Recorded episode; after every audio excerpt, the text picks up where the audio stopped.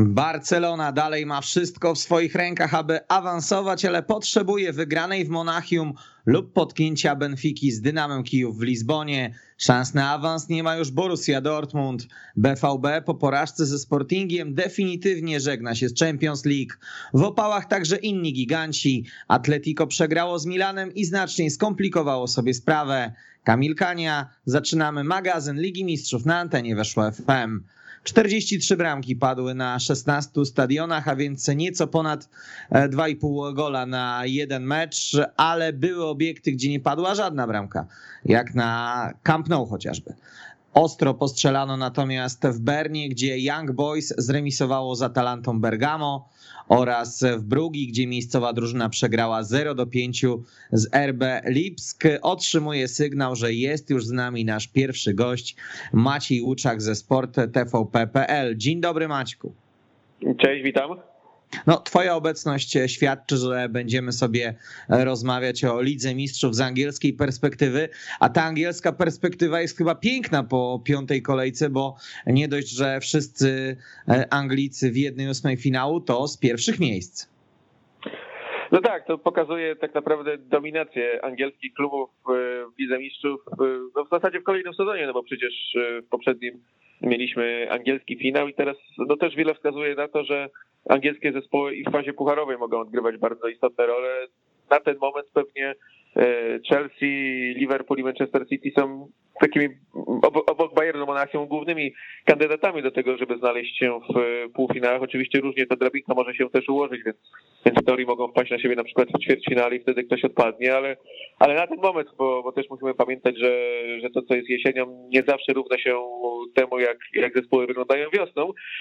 No ale wygląda na to, że Anglicy znowu będą bardzo mocni w Lidze Mistrzów i tak jak powiedziałeś, ta, ta sytuacja w grupie jest dla nich no więcej niż korzystna. No, klasyk mawia, że Liga Mistrzów zaczyna się na wiosnę. Ja się czuję jakieś 14 lat młodszy, bo w okolicach 2007 roku przypominam sobie dominację angielskiego futbolu w Champions League. Oczywiście od lat mamy ją teraz, ale gdybyśmy szukali poprzednio, to właśnie w okolicach sezonu 2006-2007, 2007-2008 z tym angielskim finałem Chelsea-Manchester United. A propos Chelsea, spodziewałeś się, że The Blues tak okazale wyjaśnił Juventus Massimiliano Allegriego? Nie, nie, że aż tak wysoko wygrają, to absolutnie bym się nie spodziewał. Szczególnie też mając w pamięci pierwsze spotkanie w Turynie, które Chelsea przegrała i, i wtedy Juventus zaprezentował się w takim swoim dobrym stylu właśnie za Massimiliano Allegriego, czyli taki mecz pragmatyczny, taki mecz zagrany bardzo dobrze w obronie i, i, i wygrany zasłużenie, bo, bo Chelsea wtedy naprawdę niewiele sytuacji sobie stworzyła, nie bardzo właśnie potrafiła sobie poradzić z tym świetnie zorganizowanym Juventusem, więc przyznam szczerze, że rozmawiałem nawet u was na antenie z Adamem Kotleszką, który który pytał mnie o typ na to spotkanie. Wtedy powiedziałem, że zwycięstwo Chelsea 1 do 0. Opierałem się na tym, że, że Chelsea bardzo dobrze broni, że, że, te czyste, że te czyste konta u nich są naprawdę w zasadzie hurtowo mecz po meczu zdobywane. No i spodziewałem się, że Chelsea może to, to spotkanie wygrać, no ale na pewno nie w takim wymiarze, bo jednak no mecze z Juventusem, szczególnie Juventusem prowadzone przez Allegriego, to, to zawsze jawiły mi się jako takie mecze, w których trudno się strzela gole, w których trudno wygrać wysoko, że raczej trzeba się namęczyć, żeby w ogóle piłkę wbić do bramki, a, a tutaj Chelsea no naprawdę można powiedzieć odpaliła fajerwerki i oglądało się to bardzo dobrze, bo, bo te kolejne akcje, kolejne gole bardzo efektowne. Znowu czyste konto, bo, bo przecież w kolejnym meczu nie, nie stracili gola, więc no na pewno na plus zaskoczyła mnie Chelsea rozmiarami tej wygranej, takim rozmachem, z jakim zagrali. Też tym, jak się wprowadzili tacy powiedzmy nowi zawodnicy, rzadko bywają, znaczy rzadko, rzadziej bywający w pierwszym składzie, jak Zyjek, jak Loftus-Cheek, który zmienił Golokantę, więc no wszystko zagrało, mam wrażenie, w Chelsea, ale no to był taki na pewno pokaz siły, bo, bo tam wszyscy zagrali na bardzo wysokim poziomie i, i tak naprawdę z perspektywy Ju- Juventusu powiedziałbym, że Wojciech Szczęsny, nie wiem czy nie był najlepszym piłkarzem Juventusu. Gdyby nie on, to być może ten wynik byłby nawet wyższy, więc y, no, no z perspektywy Ju- Juventusu na pewno no nawet może blamasz, jeśli chodzi o, o to, co pokazali na, na Stamford Bridge. No, podobnie oceniła to włoska prasa z tego, co e, przeglądałem e, po spotkaniu. Słuchaj, taka łyżka dziegciu w tej beczce miodu to jest chyba uraz Bena Chiluela. Kibice Chelsea wieszczą, że, że bez Chiluela to ciężko będzie w dalszej części tego sezonu. To na pewno jest ogromna strata. Jeszcze z tego, co wczoraj czytałem, to nie wiadomo, jak dokładnie jest ona poważna. Znaczy, ona jest poważna, nie wiadomo, ile potrwa ta absencja, bo Chelsea chce poczekać mniej więcej do przełomu roku, E, żeby zobaczyć, jak ten uraz e, Bena Chilwella się leczy i czy nie będzie potrzebna operacja. To znaczy operacja będzie oznaczała, że on na pewno kończy ten sezon i nie ma co myśleć o tym, że zagra w ogóle e, choćby raz jeszcze, czy to w Lidze Mistrzów, czy w Premier League, czy w jakichkolwiek innych rozgrywkach. Jeśli natomiast to się będzie leczyło nieźle i nie będzie potrzebna operacja, no to są szanse, że on wróci za kilkanaście tygodni. Trudno to jeszcze dokładnie teraz taki termin podać, no ale może styczeń, może luty, mniej więcej te rejony. No, e, z Benem to jest ciekawa sprawa w tym sezonie, bo słusznie postrzegamy go jako bardzo ważną postać Chelsea. Te wahadła Rhys James, Ben Chilwell, no to, mm, to jest to jest ogromny atut Chelsea, natomiast e, Ben Chilwell nie zaczynał tego sezonu w pierwszym składzie. Mm, tam grał Marcos Alonso i był taki moment gdzieś we wrześniu, kiedy dopiero Ben Chilwell dostał pierwszą szansę gry w, w pierwszej jedenastce, bo to też był taki czas trudny dla niego o tyle, że on pojechał na Euro z reprezentacją Anglii, ale tam nie zagrał. Tam był zresztą kilka razy poza kadrą meczową w ogóle mm, odstawiony. E, później wrócił do klubu, nie imponował formą z tego, co można było czytać e, takie doniesienia, bo nie bardzo można było go zobaczyć na boisku. Dopiero w pewnym momencie dostał szansę od Tomasa Tuchela, kiedy być może właśnie treningami wrócił do, do wysokiej formy i, i niemiecki trener zauważył, że no, że warto już postawić na Chilwella, bo pewnie po prostu poziom Bena Chilwella w formie w porównaniu do Marcosa Alonso jest po prostu wyższy. E, natomiast i z Marcosem Alonso Chelsea gra w tym sezonie nieźle. Ja się zgadzam w pełni. To nie jest ten sam poziom i jestem ciekaw, jaki będzie na przykład e, reakcja klubu, jeśli by się okazało, e, no, że nie zagra Ben ani minuty już w tym sezonie, czyli że potrzebna jest operacja, czy wtedy nie będzie chęci poszukiwania też kogoś w styczniu na, na rynku transferowym. Na pewno to jest osłabienie, y, natomiast jeśli miałoby ono potrwać kilka, kilkanaście tygodni, to jeszcze jestem sobie w stanie wyobrazić, że Chelsea jakoś to, to przetrwa, bo Alonso też wyglądał w tym sezonie całkiem nieźle. Oczywiście on ma swoje kłopoty, szczególnie z grą w defensywie, bo, bo to się mu głównie zarzuca, bo on jeśli chodzi o działania ofensywne, to też, to też radzi sobie całkiem e, nieźle. Z tym powrotem do obrony są, są większe kłopoty. No zobaczymy, jak się ta sytuacja rozwinie, no bo tutaj jednak ta skala problemu jest na razie jeszcze nie do końca znana, bo bo jeśli on wróci w styczniu, gdzieś czy na początku, czy pod koniec, y, no to mówimy jednak jeszcze o tym, że na te najważniejsze momenty sezonu teoretycznie będzie, będzie dostępny i powinien grać. Jeśli będzie potrzebna operacja, no to tracimy go do, do końca sezonu i to, i to już będzie naprawdę ogromny kłopot wtedy. Słuchaj, czy Tiago Silva wygląda na 37-latka?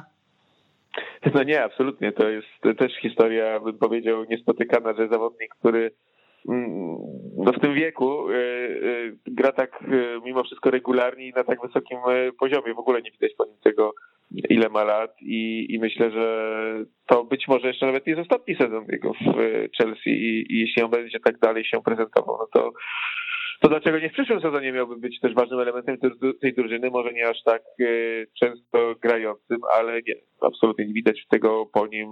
Myślę, że jeden z też takich ciekawszych transferów, zaskakujących, jeśli chodzi właśnie o to, że pewnie wielu by pomyślało, że Thiago Silva to już jest zawodnik, któremu trudno będzie no właśnie wejść na tak wysoki poziom i tak regularnie często grać w, klub, takim klubie jak Chelsea, a tutaj się okazuje, że on, że on naprawdę stanowi jeden z najważniejszych elementów tej, tej linii obrony. Manchester United zwolnił Ole Gunnara Solskiera, drużynę E, przeciwko Villarrealowi poprowadził Michael Carrick, no ale do zwycięstwa to Czerwone Diabły poprowadził, umówmy się, Cristiano Ronaldo, mister Champions League, znowu ukuł i znowu wskazał kierunek, mimo że ten mecz się jakoś specjalnie Czerwonym Diabłom nie układał. No, ty powiedziałeś o Cristiano Ronaldo i tutaj oczywiście trzeba o tym pamiętać, ale e, pamiętać, wystarczy spojrzeć na wynik i, i czyste statystyki. Natomiast Dawid De Gea to jest bardzo ważny człowiek dla dla tego zwycięstwa Manchester United, bo on przy stanie 0 do 0 obronił naprawdę dwie, trzy bardzo trudne sytuacje. Takie sytuacje, których mam wrażenie większość bramkarzy by, by nie wyszło obronną ręką i, i, i wtedy ten mecz mógłby się zupełnie inaczej potoczyć. No na pewno nie ma co jakby szukać takiego, takiego nie wiem, odrodzenia dla Manchesteru United, że to jest y, mecz, po którym teraz to już można być optymistą i że teraz to już ten klub czeka świetlana przyszłość. No nie, tak Trzyletni było... kontrakt dla Michaela Carricka. Oj tak, no już Gary Neville, szkoda, że w studiu telewizyjnym nie pytał, że w zasadzie to powinieneś dostać tak jak to było z Ole Gunnarem Solskierem po meczu z PSG, że w zasadzie też powinieneś dostać taki tylko kontrakt do podpisania, że ty wpisujesz zarobki i długość umowy i że to wszystko ci się należy. No tego błędu pewnie nie popełnią, chociaż według doniesień medialnych tam będzie zaraz tymczasowy trener, którego który zastąpi tymczasowego trenera, czyli Michaela Karika, czyli ta zmiana mm, w ogóle też jest zupełnie nieprzygotowana, ale to pewnie temat na troszkę inną mm, e, dyskusję. No na plus, co się zmieniło troszkę, no to, to trochę świeżej krwi w e, podstawowej 11, bo no Donny van den Beek znalazł się w podstawowym składzie, chociaż akurat bardzo przeciętny, jak nie słaby mecz Holendra, bo to... No ja taka... określiłem go słabym, komentując to spotkanie. No i słusznie, i słusznie zrobiłeś, bo, bo był po prostu słaby. Yy jakby Donny van den Beek wszedł w meczu z Watfordem w przerwie, on tam wykreował najwięcej sytuacji z całej drużyny Manchester United w tym, w tym przegranym meczu z Watfordem. Wydawało się, że być może będzie to taki człowiek, który no, jak tylko dostanie szansę, to już będzie przerastał poziomem drużyny albo będzie jeden z najważniejszych zawodników. No nie, teraz, teraz nie był. Pewnie potrzebuje też więcej czasu, no bo, bo był odstawiany i mało grał w ostatnim czasie. Był też Martial, słaby mecz y, w podstawowej 11, nie wiem czy tu się zgodzisz, ale, ale też się w niczym specjalnym nie wyróżnił. Mhm. Do tego Alex Telesz, ale to wynikało pewnie bardziej z y, problemów zdrowotnych Luka Showa, więc no na plus na pewno organizacja w defensywie, bo mimo wszystko no było kilka sytuacji dla, dla Villarrealu, ale, ale to nie był aż taki chaos jak w poprzednich spotkaniach. No, jakby nie było czyste konto, chociaż moim zdaniem czyste konto też w dużej mierze oparte na, e, na dobrej dyspozycji Dawida Dehei, no i, i też było Villarrealu w wyprowadzeniu piłki i też tak sobie trochę sami dali strzelić tego, tego gola. No tutaj trzeba pochwalić Freda, bo on w tej kluczowej sytuacji przy stanie 0 do 0 doskoczył do rywala na pod polem karnym Villarrealu, odebrał piłkę, zagrał do Ronaldo, no i Ronaldo już w Champions League to, to gole strzela hurtowo. Więc, więc y, ten Fred wielokrotnie krytykowany, wielokrotnie słusznie krytykowany, akurat tutaj się y, spisał dobrze, bo, bo no jakby asystował przy tym odbiorem przy, przy golu Ronaldo. Ważny też pewnie moment dla Jadona Sancha, który, który strzelił gola i, i, już ten wynik y, ustalił. Też coraz więcej szans, coraz więcej gra. Jeszcze za Solskiera był w podstawowym składzie na Watford, teraz też teraz też gola strzelił, więc być może tutaj idzie ku lepszemu, to, to na pewno też to, coś, co drużyna potrzebuje. Natomiast daleki byłbym od tego, żeby jakoś głosić odrodzenie Manchester United. To wygrany mecz ważny, bo już zapewnili sobie też awans, mają świetny spokój, nie będzie nerwów w ostatniej kolejce, ale, ale tam jednak do, do takiej stabilizacji to mam wrażenie, że jeszcze daleko. Po raz pierwszy od sezonu 2018-2019 Manchester United zagra w fazie pucharowej Ligi Mistrzów. To kto poprowadzi te Czerwone Diabły w 1-8 twoim zdaniem? No tutaj w zasadzie pojawia się kilka nazwisk. Jesteśmy zdani na to, że, że angielscy dziennikarze jedni spekulują, drudzy być może mają lepsze informacje. No, taką kandydaturą, która pada, którą wymieniano już w kilku angielskich serwisach na BBC, w The Athletic, no, toczą się jakieś rozmowy, jest Ernesto Valverde. Wydaje mi się, że to byłaby najciekawsza opcja dla Manchester United, no bo jakby nie ma co patrzeć na to, że Manchester United zatrudnia trenera i teraz spodziewać się wielkiego nazwiska, no bo tam z góry przypisana jest taka rola tymczasowego trenera. No po pierwsze tych nazwisk nie ma zbyt wielu takich mocnych na rynku trenerskim, bo od razu w zasadzie wykluczony został Zinedine Zidane, który pewnie byłby, jeśli chodzi o nazwisko, najmocniejszym kandydatem raczej nie spełni się ten scenariusz wedle ostatnich doniesień o tym, że Mauricio Pochettino mógłby przestać pracować z PSG i nagle przenieść się do Manchesteru United. Być może po tym meczu City z PSG coś się no zmieni. No właśnie, ale, nie byłbym tego e, pewny.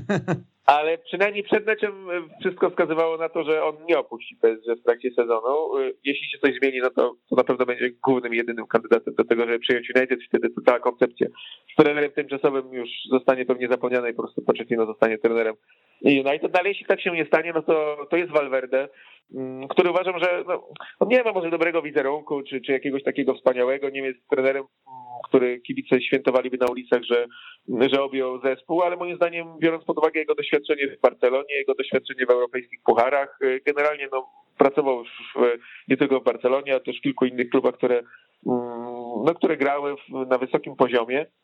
To byłaby dobra opcja. Y, najlepsza z tych dostępnych, bo wymienia się, się też na przykład Rudiego Garcia, Luciana Favra, no tych nazwisk, y, kilka jeszcze innych też, y, też padało. Ralf Rangi bywał, chociaż, chociaż wcześniej wskazywano na to, że on się nie zgodzi na tego, tylko i wyłącznie na taką funkcję tymczasowego trenera, że on nawet jeśli miałby przestać być trenerem, to by chciał później gdzieś wyżej pójść w dyrektory na, na Old Trafford. Nie wiem, czy jest taka koncepcja, raczej chyba nie.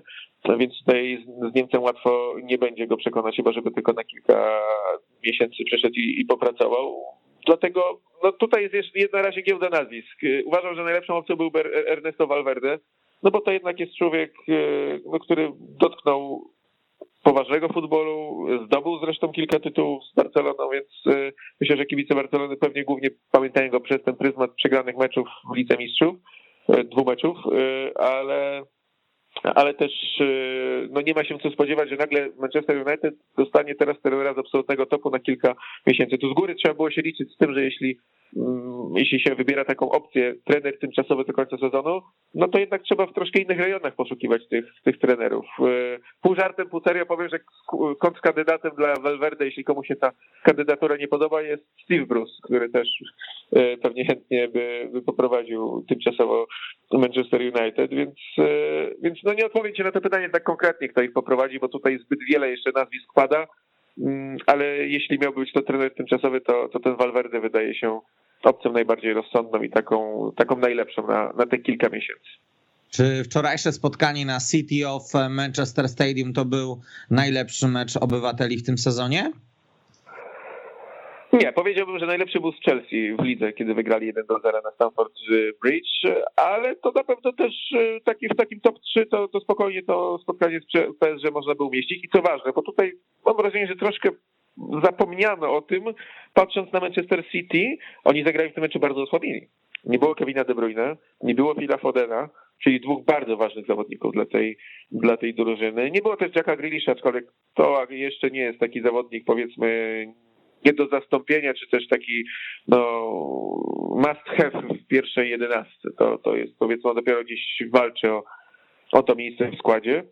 No ale Kevina De Bruyne brak i Phila Fodena to, to są ogromne straty, a mimo wszystko dominowali niemal przez całe spotkanie w meczu z PSG, potrafili odrobić straty, co też czasem bywało problematyczne, bo ja sobie potrafię, wczoraj kiedy PSG strzeliło gola na 1 do 0, to sobie tak pomyślałem, czy to nie będzie z kolei, taki kolejny mecz z cyklu, że Manchester City dominuje, dominuje, potem traci troszkę niespodziewanie gola, i znowu bije głową w mur, bo nawet tak od razu mi się przypomniały takie mecze z Manchester United Ole Gunnara na Solskiera, kiedy on właśnie dosyć głęboko ustawiał z United, oni strzelali gola po kontrataku, czy też po jakimś stałym fragmencie gry i potem dobrze bronili. I ten Manchester City atakował, atakował, ale brakowało takich klarownych sytuacji, brakowało skuteczności. No jak się okazało, nie. Tutaj naprawdę bardzo dobrze obronną ręką wyszli i to wyszli zasłużenie, więc... Yy, wygrany mecz bez dwóch bardzo ważnych zawodników, wygrany mecz zasłużenie, to myślę, że jest y, naprawdę no, potwierdzenie tego, w jak dobrej formie jest w tym sezonie Manchester City. Czy jest sens przy Pepie Guardioli mówicie o konkretnej pozycji dla konkretnego piłkarza? Bo ja mam wrażenie, że tam każdy e, gra na pozycji nieokreślonej. Poza Edersonem no, może. To wczoraj było widać bardzo dobrze, bo taki Bernardo Silva ustawiony chyba w grafikach meczowych był jako napastnik. Środkowy napastnik tak to się różnie pojawiało, tak. A Bernardo Silva głównie operował jednak w drugiej linii. To operował i po prawej, w centralnej części boiska, i też schodził czasem do lewej. Mm, no oczywiście jest y, całe to, to teraz y, zamieszanie, można powiedzieć, i, i taka, takie zachwyty nad Jean Cancelo, który też przecież nie gra jak lewy obrońca, bo bierze udział i schodzi do środka i, i bierze udział jako taki zawodnik asekurujący drugą linię i, i kreujący sytuację, bo przecież on tych liczb e, tej tercji boiska najbliżej bramki rywala ma jeden z najlepszych w zespole i też nawet w całej lidze, jeśli chodzi o, o Premier League, więc, więc nie, tutaj e, Tutaj możemy mówić o pewnych pewnie założeniach, jakie ci zawodnicy mają, zadaniach, jakie mają wypełniać, ale, ale przypisywanie ich do konkretnych pozycji jest na pewno no, no, trudne do zrobienia. Taki Gabriel Jesus, który wczoraj wszedł jako rezerwowy, najczęściej też w tym sezonie bywał, co ciekawe, prawoskrzydłowym, e, mimo że został Guardiola jako jedyny napastnik, taki nominalny podejściu Aguero, no to, to Guardiola zrobił sobie z niego dzisiaj, e, dzisiaj, nie dzisiaj, tylko w w większości meczów w tym sezonie prawo skrzydłowego, a wczoraj wchodzi jest jednak bardziej środkowym napastnikiem, czyli ta wymienność pozycji, ta umiejętność elastycznego dopasowania się do tego, co akurat potrzebuje drużyna, jest ogromna i to też widzieliśmy wczoraj po raz kolejny. Pewnie to jeszcze bardziej, biorąc pod uwagę właśnie te ubytki, o których, o których wcześniej wspominałem. Maciej Łuczak z TVP Sport był moim Państwa gościem w magazynie Ligi Mistrzów. Dziękuję Ci Maćku, że znalazłeś Dziękuję, dla nas czas. dobrego dnia, wszystkiego dobrego. Dziękujemy wzajemnie, oczywiście pozdrawiamy. Będziemy sobie kontynuować wątek spotkania Manchesteru City z Paris Saint-Germain, ale to już po przerwie muzycznej z naszym kolejnym gościem. Proszę pozostać z nami. Słuchasz, weszło FM. Weszło FM. A z nami już kolejny gość, Dawid Szymczak z serwisu sport.pl. Witam cię, Dawid, serdecznie. Witam, cześć. Kontynuujemy wątek spotkania gigantów między Manchesterem City a Paris Saint-Germain. Spełniło, Dawid, twoje oczekiwania spotkanie na City of Manchester Stadium? Oj, zdecydowanie. Ja w ogóle myślę, że cały czas nie zaliczam się do tej grupy bardzo nielicznej w sumie zwolenników Superligi, ale jak tak patrzyłem na ten mecz i przypominałem sobie gdzieś słowa Florentino Pereza, że widz potrzebuje starć wielkich marek, wielkich klubów, najlepszych piłkarzy i, i potrzebuje tego najwyższego poziomu, to się z nim zgadzałem. Patrząc na to, co grali piłkarze i City i PSG, to były dwa różne zespoły, bo mam wrażenie, że PSG oparte na, na talencie, ale trochę przeszkadzał im jakiś chaos i, i za dużo tam było tych takich trzech króli, a City drużyna i, i tak naprawdę realizowane, mam wrażenie, w każdym detalu pomysły Pepa Guardioli i, e, i to udało się mm, przezwyciężyć tym, ten talent i, i, i szybkość Kyliana Mbappé. E, no i na pewno to spełniło, spełniło oczekiwania wszechmiar tak naprawdę. I wynik też mi się podoba, bo na koniec lubię jak wygrywa, wygrywa drużyna. No tak, wygrała drużyna Pepa Guardioli i przynajmniej w teorii to ona jest bliższa tego, by wygrać tę grupę, chociaż kto będzie na czele po zakończeniu rozgrywek, to zdecyduje dopiero szósta e, kolejka. Jak Ci się podobał w tym spotkaniu e, dobór pierwszego składu Pepa Guardioli, bo e, nie do końca jestem przekonany do kilku piłkarzy. No pewnie byśmy się zatrzymali przy Zinczence, który był takim pewnie piłkarzem najbardziej zaskakującym w tym składzie. E, wychodzi w pewnych meczach jakaś skłonność Guardioli do, do kombinowania. Nie wiem z czego, z czego to wynikało. Natomiast cała reszta piłkarzy wokół Ukraińca funkcjonowała na tyle dobrze, mam wrażenie, że jego występ mocno nie zaszkodził. Pewnie mógł podejmować lepsze decyzje i tak dalej, i tak dalej. Możemy sobie to tłumaczyć tym, że on w Premier League występuje rzadko. Natomiast y, reszta piłkarzy, moim zdaniem, tutaj była dobrana całkiem nieźle. Nie było, nie było Phila Fodena, nie było Jacka Grealisha, Kevina De Bruyne z różnych powodów. No ale na koniec ten zespół prezentuje się no na tyle dobrze, że, że wygrywa z PSG. Można też zastanawiać się, czy Stones, czy Laporte, ale tak naprawdę oni obaj są dość zawodni, awaryjni.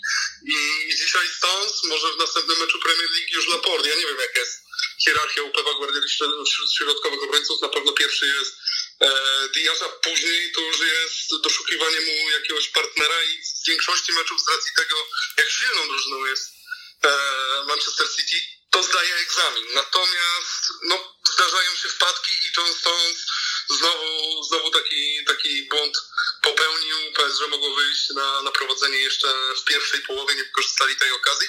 Natomiast mówię, dzisiaj błąd popełnił Stones, jutro będzie mecz w Premier League i przyjedzie silniejszy rywal, wyjdzie Laporte i też może mu się jakaś tam awaria przytrafić i to jest wybór może nie między dżumą a cholerą, bo, bo mówimy cały czas o, o niezłych piłkarzach, natomiast przy Rubenie Diaszu trzeba jednak prezentować ten poziom pewnie trochę lepszy, żeby, żeby tak nie rzucać się w oczy.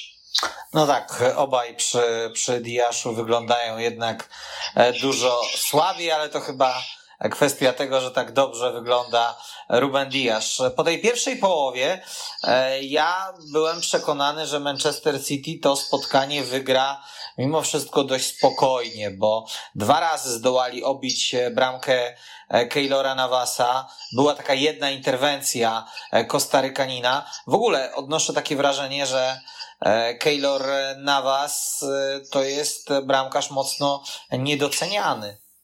Oj, od lat i, i tak było w Realu Madryt i, i tak jest teraz w PSG i sprowadzili sobie może auto, które wygląda trochę lepiej, ma bardziej błyszczący lakier i, i ma po prostu jest młodszym rocznikiem i utytułowane, bo z, jako mistrz Europy przyjechał Donnarumma, no ale na koniec okazuje się, że, że ten Keylor na was po prostu jest niezawodny i z nim może dojedziesz trochę wolniej, ale dojedziesz dalej. I, i na pewno to jest, to jest bramkarz niedoceniany, ale mówię, on, on się chyba do tego przyzwyczaił i chyba już nawet za mocno z tym, z tym nie walczy. Na koniec wychodzi w pierwszym składzie, broni, broni znakomicie, jak już brakuje mu możliwości w ogóle, żeby jakiś strzał obronić, to, to pomaga mu czy Kimbembe, czy, czy Hakimi i tę piłkę z przed bramki wybijają, ale jeszcze odnośnie City, tego jak oni do tych sytuacji dochodzili, to urzeka mnie od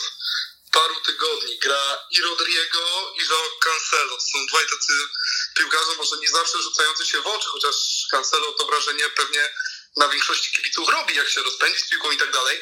Natomiast e, widziałem gdzieś taką hit mapę z jego poszczególnych meczów, jak używa go Guardiola.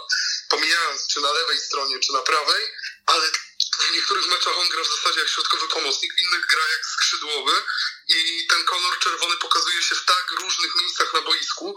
On jest tak wszechstronny, tak możesz sobie jako trener dopasować go do, do danej taktyki na, na mecz i, swojego pomysłu, że, że myślę, że to jest jeden z ulubionych piłkarzy Guardioli, natomiast z Rodrim jest tak, że nie wiem, czy Pep Guardiola musi mu coś tłumaczyć przed meczem, bo wydaje mi się, że on po prostu wszystko rozumie, że on już wszystko wie, jak ten mecz będzie wyglądał, jak zachować się w poszczególnych sytuacjach. Tutaj też dał tę te, akcję bramkową, on ją rozpoczął tym przerzutem do Walkera i dopiero później było zgranie w polu karne, w pole i tak dalej.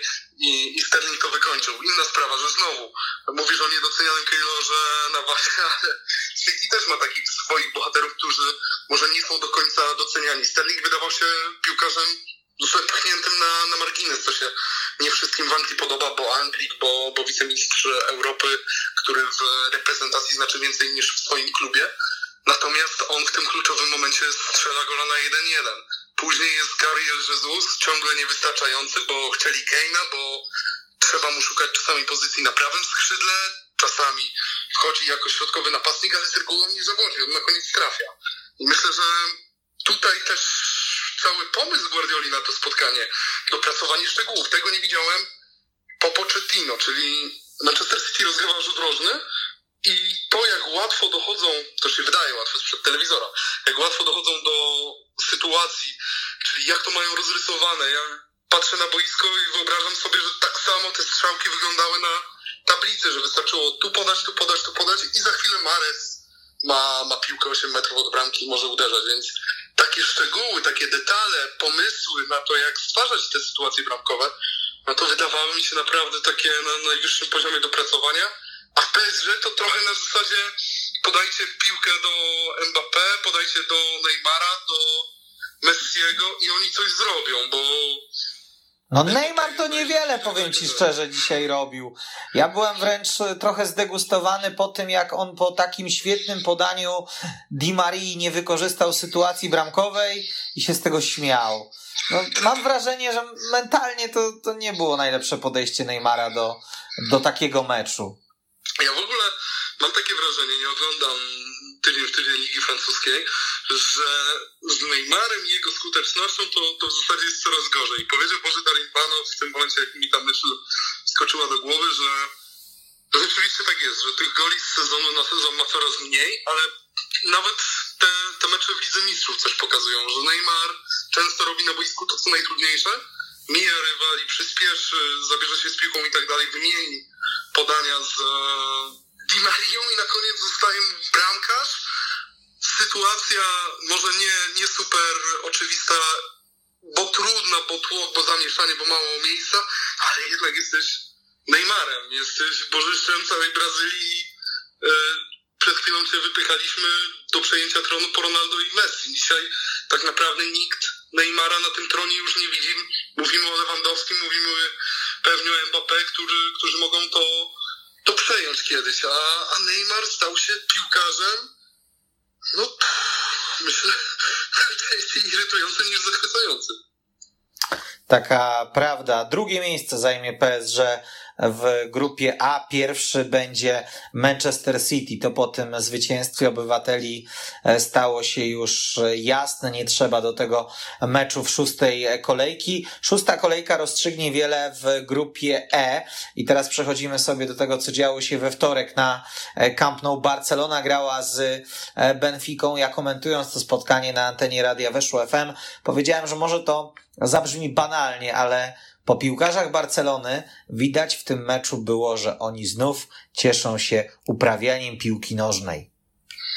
I to jest zmiana, na którą zwraca uwagę bardzo dużo kibiców, na którą zwraca uwagę sam Xavi na pomeczowej konferencji, mówiąc, że to zaangażowanie i takie podejście barcelońskie, nie mówmy może o DNA, ale o jakichś takich naszych znaczy wiesz, ja wiem, ja wiem dlaczego uciekasz o, o rozmowie o DNA, bo, bo ludzie wyśmiewają to DNA, ale wiesz co, ja mam taką teorię, że jeżeli y, istnieje coś takiego jak DNA danego klubu i istnieje DNA Barcelony, to nie taki człowiek przypadkowy, który znalazł się w tym klubie, zagrał kilka lat, takie DNA pokaże, ale pokaże właśnie taki facet jak Xavi, wychowany e, w tym e, klubie, e, w tym kulcie Cruyffa, później także pracujący przez lata z Guardiolą, będącym takim przedłużeniem Pepa na boisku. Pewnie tak, tylko wokół DNA Barcelony po prostu już tyle mitów i tak jest zmitologizowany Kroj i jego to, to podejście trenerskie, że, że to była wiecznie gra krótkimi podaniami, tymczasem któryś, nie pamiętam który z piłkarzy tamtej ekipy mówi, że jak nam nie szło, to czasami dawaliśmy po prostu lagę w pole karne i tam stał środkowy obrońca, zgrywał piłki strzelaliśmy w ten sposób gole i się tego nie wstydziliśmy. Podobnie robił przecież Guardiola, czasami przesuwając Gerarda Piqué na ostatnie minuty, żeby, żeby robił podobne rzeczy, więc gdy dzisiaj za chwilę, nie wiem, Xavi w którymś meczu albo przesunie Piqué, albo E, albo Ronaldo Araujo, to, to spokojnie, nie obrażajmy się na niego, bo, bo, tak czasami też można. Natomiast co do, co do zasady, no to tak, jest ta, jest ta gra taka, taka bardziej, jak się faktycznie po Szawin spodziewaliśmy, jak sobie ją wyobrażaliśmy, natomiast cały czas tam jest dużo jednak takiej chwiejności i to jest zupełnie normalne, bo i on jest trenerem dwa tygodnie. E, przyjechał do, do Barcelony, podpisał kontrakt i zobaczył, że w szatni nie ma połowy zawodników, bo są na skupowaniach reprezentacji, a druga połowa zamiast w szatni jest u fizjoterapeutów, poleczą kontuzji, więc tam i tak ma duże, duże problemy z tym, żeby jakąś tę jedenastkę poskładać i pewnie ona by wyglądała inaczej, gdyby żył w idealnym świecie bez, bez kontuzji, gdzie wszyscy są zdrowi. E, dajmy mu czas. Ten pierwsze, to pierwsze wrażenie jest dobre. Myślę, że też dobre jest na koniec to, że kibice będą z większą przychylnością jednak patrzyli na Szawiego niż na e, Ronalda Kumana i więcej rzeczy mu wybaczą, dadzą mu więcej czasu, to podejście będzie bardziej przychylne i to pewnie powinno przełożyć się na to, że mu się będzie spokojniej budować tę Barcelonę.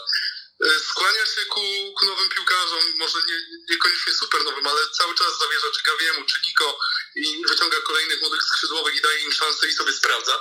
Mi się Jusuf Demir bardzo podobał we wtorek. Też, pewnie, pewnie. E, I, i nagle nie wpuszcza Luka de Jonga i kibice klaszczą, no bo, no bo gdzie Luke de Jong do, do Barcelony Szawiego no nie pasuje, ani wzrostem, ani gabarytami, ani, ani techniką, ani, ani tak naprawdę niczym. I myślę, że parę takich zderzeń jeszcze wyobrażeń i faktycznego stylu będzie. Na koniec zabrakło Barcelonie, myślę, drugiego kola w meczu ze Spaniolem w tych derbach. To był debiut Szawiego, bo tam była kontrola meczu, nie wiem, przez 50 minut, przez 60 maksymalnie. Później Espaniol pewnie zapracował tak naprawdę na gola wyrównującego. Brakuje Barcelonie dobrego napastnika, brakuje może zdrowszych skrzydłowych i, i wtedy ten zespół, bo w środku pola wygląda dobrze i i myślę, że, że od tej formacji zresztą Xavi zaczął tę Barcelonę zmieniać, a na koniec paradoksalnie musi wrócić do, do starych i cały czas obecnie używanych rozwiązań, rozwiązań czyli Sergio Busquetsa, który jest pewnie dzisiaj cały czas najlepszym środkowym pomocnikiem Barcelony a równiejszego Memphisa Depaya nie brakuje Szawiemu, bo ja mam wrażenie, że on w reprezentacji Holandii jest dużo lepszym piłkarzem niż w Barcelonie. I to co ciekawe, także w Barcelonie Szawiego, bo on mnie osobiście rozczarował w tym spotkaniu z Benficą. Dlatego mówię o tych napastnikach, że rzeczywiście tam może, może potrzebny był ten Sergio Aguero, który który, który ma jakieś gigantyczne problemy nie wiadomo, czy zagra i kiedy. Więc, więc na pewno, no. Tylko, tylko teraz znów kiedy rozliczać tak naprawdę Szawiego. No nie za tydzień, nie za miesiąc, nie za nawet dwa, tylko będzie jakieś przygotowanie fizyczne, będzie ten okres przygotowawczy e, krótki, bo krótki, ale, ale gdzieś będzie można dłużej z tą kadrą popracować, będzie mógł tych piłkarzy poznać, trochę ich pozmieniać na, na swoją modłę. I myślę, że, że wtedy też, też zobaczymy e, jak ta Barcelona faktycznie wygląda, jakie pomysły ma Xavi. No wiemy, że że zmienia już jakieś tam drobne rzeczy, wiem, że, że zmienił się sposób rozgrzewki, ale to są takie detale. Myślę, że dziennikarze się tego doszukują, bo chcą zmiany, bo chcą ją dostrzec. Na razie jednak nie ta Barcelona, okej, okay, pierwsze wrażenie jest, jest dobre, ale nie jakieś olśniewające. Na koniec e, Seferowicz trafia i Barcelona jest poza Ligą Mistrzów. I tak ta sytuacja jest, jest trudna i pierwszy raz od 20 lat Chyba, chyba taka statystyka gdzieś. 21, 21. 21 nawet, tak. Może nie wyjść z grupy, jeśli nie, nie wygra w Monachium z Bayernem, albo, albo nie ułoży się jej ten drugi mecz Benfiki z Dynamem Kijów, więc no zobaczymy. No wiadomo, że, że Barcelona musi spróbować w Monachium choćby dla pieniędzy, bo e, tego potrzebuje dzisiaj bardzo, bardzo, a te różnice między Ligą Mistrzów Europy są kolosalne. Ja mam takie wrażenie, że ta akcja Harisa Seferowicza i jego pudło było bardzo istotne, bo znam Benfikę bardzo dobrze. Mogę się nazwać nawet sympatykiem tego klubu i znam Benfikę, która potrafi w pucharach sobie sama stworzyć problem i nie zdziwiłbym się, gdyby ona finalnie nie była w stanie tego Dynama Kijów e, ograć. No ale tutaj odpowiedź na, na to pytanie poznamy dopiero za, za dwa tygodnie. Tylko ci się wtrącę, wiesz co, na koniec, że przeczytałem jedną rzecz, to nie jest moje, ale że Szawin wróciło szczęście do Barcelony, że czasami w tych takich podbramkowych sytuacjach jej tego szczęścia ewidentnie brakowało, bo albo... Ktoś napisał, że, że przy Kumanie e, asystent sędziego Karasiewa nie zauważyłby tego przekroczenia linii e, końcowej przy dośrodkowaniu z rzut rożnego, kiedy padła bramka dla Benfiki w pierwszej no połowie. No, no, i to jest, no i to jest wszystko. Lepiej mieć szczęście niż nie mieć. Sevilla przypomniała sobie o tym, że warto byłoby trochę jeszcze w Europie pograć i e, wygrała spotkanie z e, Wolfsburgiem. Dzięki temu ma szansę na awans. W ogóle w tej grupie G jest bardzo ciekawie, bo w ostatniej kolejce Wolfsburg podejmie Lille, a Sevilla pojedzie do Salzburga. Wierzysz w drużynę Lopetegiego? O, jak najbardziej.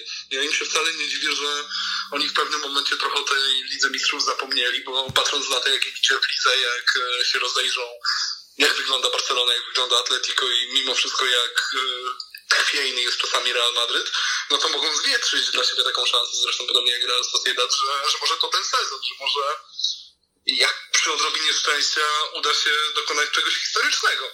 Mm, I, i pewnie, pewnie tam będzie położony priorytet, natomiast na koniec ta drużyna Lopetegiego wychodzi na, na Wolfsburg i jest 10 razy lepsza. Jest dużo bardziej zmotywowana, przechwytuje chyba wszystkie drugie piłki, jakie, jakie tam spadły na, na boisko, e, przygotowana taktycznie i tak dalej, i tak dalej. E, ktoś powie, że, że było długo, długo, długo 1 do 0 i dopiero w 96, 7 minucie e, trafili na 2-0 i to jest prawda, bo raportu z tego meczu nie, nie, nie oszukamy. Natomiast oni mieli przewagę tak naprawdę od pierwszej do 90 minuty. I mm, tam była kontrola, tak jak mówię, absolutna. E, Sevilla przyzwyczaiła do tego, że ma bardzo dobrą i stabilną defensywę. No i to się po raz kolejny potwierdziło. Wolfsburg e, jest zespołem, który, który znajduje się na zakręcie jakimś który dobrze rozpoczął ten sezon w Bundesliga, ale później, później było gorzej, zmiana trenera i tak dalej, i tak dalej. E, więc no, wykorzystali okazję i na koniec e, będzie decydował mecz z Salzburgiem.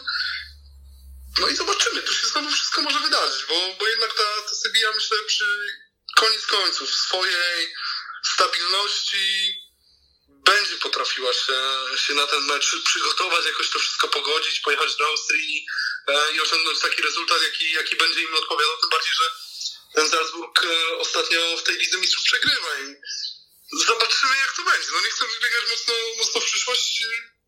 no i tu postawię kropkę. A z drugiej strony ja nie namawiam, ale finał Ligi Europy w przyszłym roku jest na Estadio Ramon Sanchez Pizjuan. No to są ich rozgrywki i tak dalej, możemy w to uciekać. Natomiast na koniec myślę, że oni by nawet woleli taki ćwierćfinał Ligi Mistrzów niż finał Ligi Europy. Ten, ten puchar już mają, a, a tych emocji związanych z Ligą Mistrzów jeszcze, jeszcze nie doświadczali. A to są emocje koniec końców przyjemne, bo, bo widziałem, że rozpisują się w Hiszpanii po tym zwycięstwie z e, Wolfsburgiem i no i fajnie.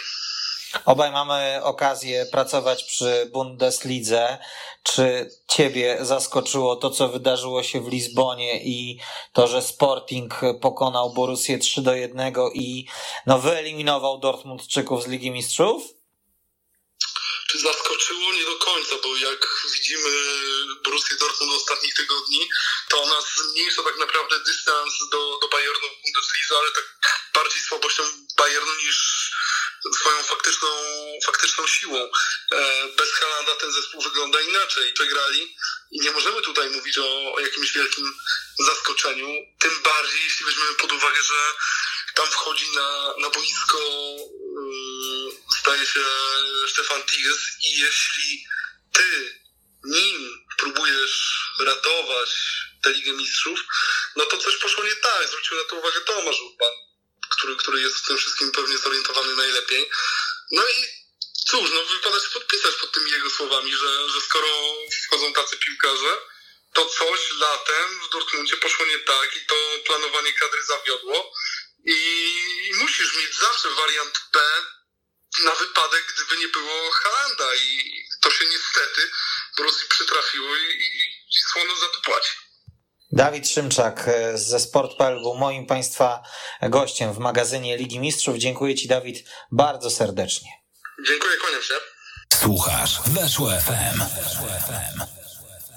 Ten dortmundsko-lizboński wątek zasługuje na kontynuację, ale bardziej przez wzgląd na Sporting, który brawurowo powrócił do Ligi Mistrzów, eliminując na dzień dobry Borussię Dortmund. Zajmijmy się Rubenem Amorimem i spółką z naszym kolejnym gościem. Dostaję sygnał, że mamy połączenie. Jest już z nami Kamil Rogulski. Dzień dobry. Kamil, pozwól, że zanim porozmawiamy o Szachtarze Donieck, jego grupie, a także o meczu Atletico Milan, który śledziłeś, zapytam cię o to, co wydarzyło się na Estadio Jose Alvalade. Wiem, że cenisz trenerski warsztat Rubena Amorima, więc jak przyjąłeś ten awans Lizbończyków kosztem BVB? To prawda. Ja przede wszystkim chciałbym zwrócić uwagę na to, że to też jest duża umiejętność, dlatego że E, Sporting dostał sromotnej klęski. Jeśli się nie mylę, to byłby wynik 1 do 5 za Ajaxem Amsterdam. E, dlatego podniesienie się w takiej grupie no, wymaga, e, wymaga takiej dużej dozy mobilizacji, ale też sam Amorim, czytając jego konferencje i wywiady, no, on mówił, że drużynie generalnie brakuje doświadczenia jeszcze na poziomie Ligi Mistrzów i po prostu będzie wymagało to wszystko takiego potwierdzenia, ale też jak kiedyś Mourinho powiedział, switch mentality, to znaczy trzeba trochę się przełączyć e, z Ligi Portugalskiej, nawet jeśli ją wygrałeś na, na poziom Ligi Mistrzów. No i trochę jestem zdumiony tym, co się wczoraj wydarzyło, ale e, no gloria zwycięzcy. Z realnymi szansami na awans także dwa inne e, portugalskie zespoły, to może być historyczny sezon dla, dla Ligi Portugalskiej. To prawda. Szczególnie jestem E, pod wrażeniem Benfiki, bo ile wszyscy byliśmy zachwyceni Porto w sezonie e, z oczywistych względów, to Benfica borykała się e, z wieloma problemami. Musieli pożegnać kilku piłkarzy. Mam wrażenie, że Jezus odbudował zaufanie do siebie. Oczywiście najbardziej w przypadku Benfiki imponuje ten mecz u siebie z Barceloną, bo w tym ostatnim meczu Barcelona stworzyła sobie kilka okazji, w ogóle widać, że mimo iż to musi jeszcze zazębić, to, to ten cały projekt Szawiego nawet, e, nawet może zaprocentować, ale jeszcze co do Benfiki, no to mówię, no najważniejszy był ten mecz e, z Barceloną u siebie, a teraz wystarczy im chyba e, tylko dopełnić formalności z Dynamem Kijów, bo ten mecz z Bayernu, z Barceloną też trochę będzie osobna historia. Twoim ukochanym Szachtarem Donieck jeszcze co prawda domowy mecz z Szerifem e, Tyraspol, ale już wiadomo, że Szachtar Ligę Mistrzów zakończy na ostatnim miejscu w grupie. Rozczarowujący dla ciebie występ tej jesieni w Champions League? Wiesz co, ja uważam, że dużo, mm, praktycznie na wszystkim zaważył ten pierwszy mecz z Szerifem Tyraspol to jak y, Sheriff Tiraspol cofnął się praktycznie i zaparkował autobus, przeprowadził dwie akcje, strzelił dwie bramki, Szachtar rozstrzeliwał bramkę rywala, nic nie padło, zasłużona wygrana rywala. Y, no i cóż, mecz Realu z Realem i z Interem tak naprawdę pokazał, że to jest trochę, to jest trochę już inny poziom. Y, tak naprawdę Szachtar Donieck musi się skupić na tym, żeby trochę ustabilizować kadrę, bo mam wrażenie, że od trzech lat to jest ciągła rewolucja no i rozwijać się, tak? I oczywiście liczyć na to, że sytuacja polityczna się nie pogorszy, no bo też trzeba o tym wspomnieć, że e, mówi się o tym, że może być kolejna, kolejny najazd e, Rosji na Ukrainę, ale to już jest osobna kwestia, już szczerze mówiąc nie chcę mi się tego poruszać.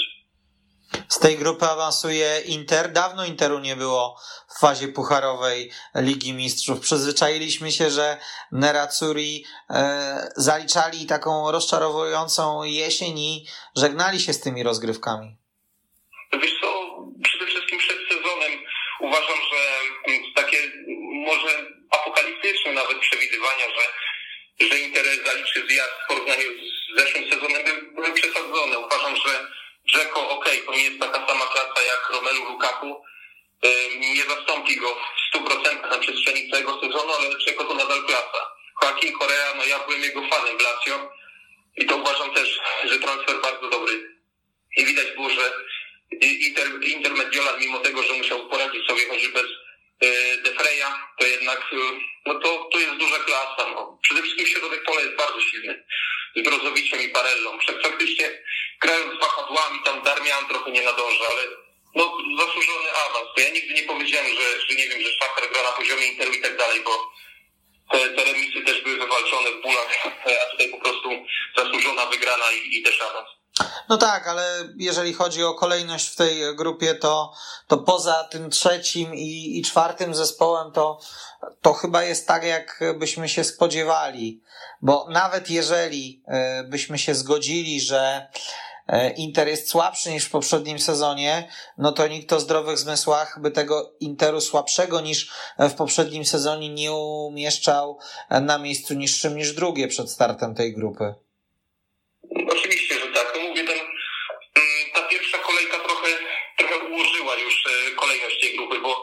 uważam, że gdyby mm, gdyby jednak wygrał z Sheriffem, to jednak to nastawienie w tych późniejszych meczach byłoby już trochę inne. I kto wie, no jak udało, jeśli udało się wyprzedzić e, Inter w poprzednim sezonie, to może by udało się też w tym ale cóż, no to jest już takie, wiesz, gdybanie nie poparte żadnymi jakimiś realnymi przesłankami, więc yy, po prostu Inter zasłużenie, zasłużenie awansował.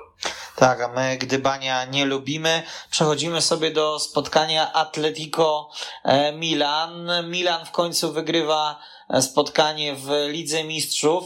No i ta rywalizacja o drugie miejsce w grupie B, to miejsce u boku Liverpoolu w jednej ósmej e, finału zapowiada się przed ostatnią serią gier pasjonująco. E, to prawda.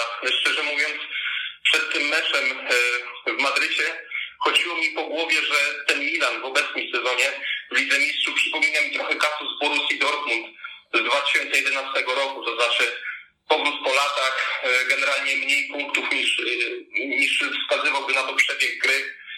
I to byłoby tak naprawdę e, być albo nie być Milanu. I bardzo mi się podobało, jak od początku, mimo problemów, starał się zdominować Atletico i przez bardzo długi czas to się udawało. A trzeba przypomnieć, że Rafael Leao miał problemy i, i tak naprawdę ostatecznie wypadł z tego meczu, mimo że siedział na ławce rezerwowych. Rebicia nie było, także Milan ze swoimi problemami, tam postawili na Radę Krunici, ale jak wszedł Mesjasz, to, to ten, ta gra też się jeszcze bardziej rozkręciła. Na przykład Atletico nie podobało mi się tak, nie podobała mi się taka gra wiesz, zachowawcza. O ile szanujemy za to Atletico, jak kiedy potrafi być skuteczny, czasami to irytuje. I tak było tutaj. Cieszę się, że Milan wygrał, po prostu wygrała lepsza drużyna w tym konkretnym meczu i jak powiedziałeś, tam w ostatniej kolejce naprawdę będą się działy dramaty. Też jestem bardzo ciekawy, jak Liverpool podejdzie do tego ostatniego meczu, bo też bardzo możliwe, że e, po prostu wyślę do Mediolanu drużynę, nie wiem, U21, jest to ich prawo, bo, bo mają już pierwsze miejsce. Tak, a Jurgen Klopp niejednokrotnie narzeka na przeładowany terminarz. W tym drugim meczu e, Porto zagra z Atletico.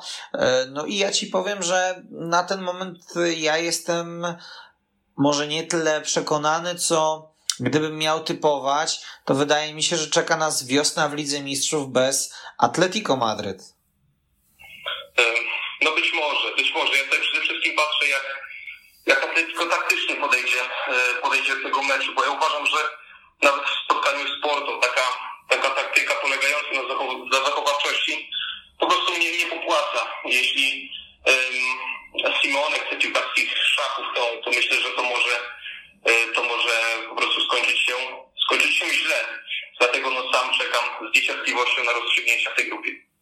No to jeszcze na koniec e, zapytam Cię o e, spotkanie Atalanty z Young Boys Berno. Zdaniem wielu e, najlepszy mecz tej kolejki 3 do 3. Działo się sporo i trochę Young Boys zagrało dla Villarrealu, który pomimo porażki wciąż przed tą ostatnią kolejką jest na miejscu premiowanym awansem. Tak, ja w ogóle jestem pod wielkim wrażeniem Boys ja w ogóle patrzę bardzo mocno na te drużyny, które, bardzo uważnie, na te drużyny, które dostały się do Ligi Mistrzów ze ścieżki mistrzowskiej. Dlatego, że jak to e, czasami bywa, e, to jest czasami zaczynek do tego, żeby niektórzy piłkarze z tych klubów zagrali e, mecz, być, być może najlepszy mecz w całej karierze. I tutaj tak było. To znaczy Young Boys zaskoczyło mnie to, że oni tak naprawdę w dużych,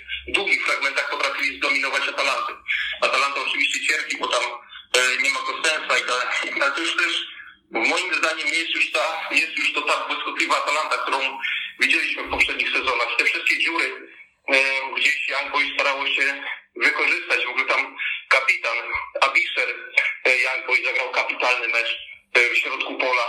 Tam ten wynik 3 do 3 to może być naprawdę spory niedosyt mimo wszystko dla, dla Young Boys, ale ten mecz był naprawdę świetny. Padały fantastyczne bramki, więc no to była taka osoba trochę niespodziewana tej kolejki.